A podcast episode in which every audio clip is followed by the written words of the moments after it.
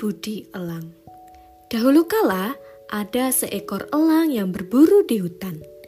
Ia ingin mencari makanan untuk anak-anaknya yang masih kecil di sarang. Ketika melihat ada sesuatu yang bergerak di tanah hutan, elang itu langsung terbang menukik. Namun tiba-tiba, elang malah menabrak jala perangkap kelelawar yang dibentangkan di antara dua pohon.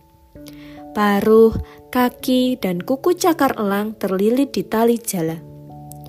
Elang berusaha melepaskan diri. Ia memberontak sekuat-kuatnya. Akan tetapi, tes, ikatan jala di kedua pohon malah putus. Elang jatuh ke tanah bersama jala itu. Kini seluruh tubuh elang terbungkus jala.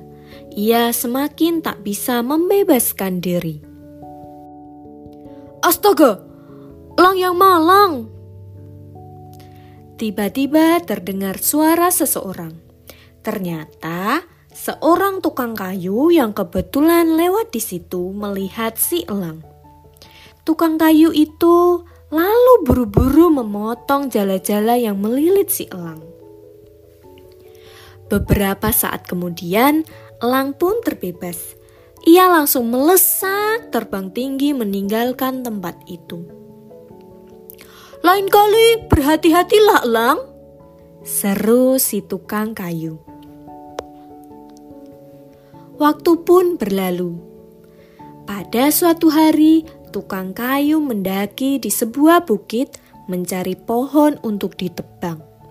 Setiba di puncak bukit, tukang kayu merasa lapar. Ia lalu duduk di sebuah batu besar di tepi tebing puncak. Tukang kayu lalu mengeluarkan kotak bekalnya dan mulai makan. Belum lama ia melahap makanannya, tiba-tiba terdengar suara keras.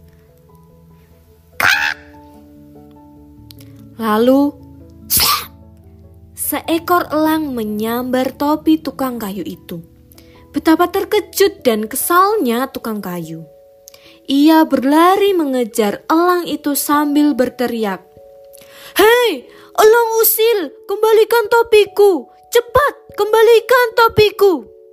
Seru tukang kayu.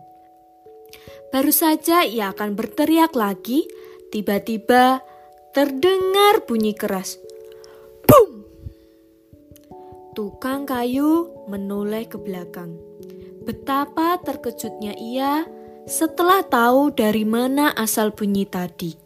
Ternyata tanah di bawah batu besar yang ia duduki longsor parah. Batu besar itu menggelinding jauh ke lembah. Tukang kayu baru sadar kalau elang tadi bukan usil, ia malah telah menyelamatkan nyawa si tukang kayu. Tukang kayu melihat ke angkasa dan berteriak senang. Terima kasih sudah menolongku, sahabat.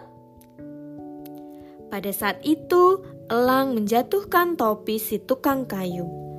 Elang bahagia karena ia bisa membalas kebaikan si tukang kayu. Tukang kayu pun bahagia ketika menyadari kalau itu adalah elang yang pernah ia tolong.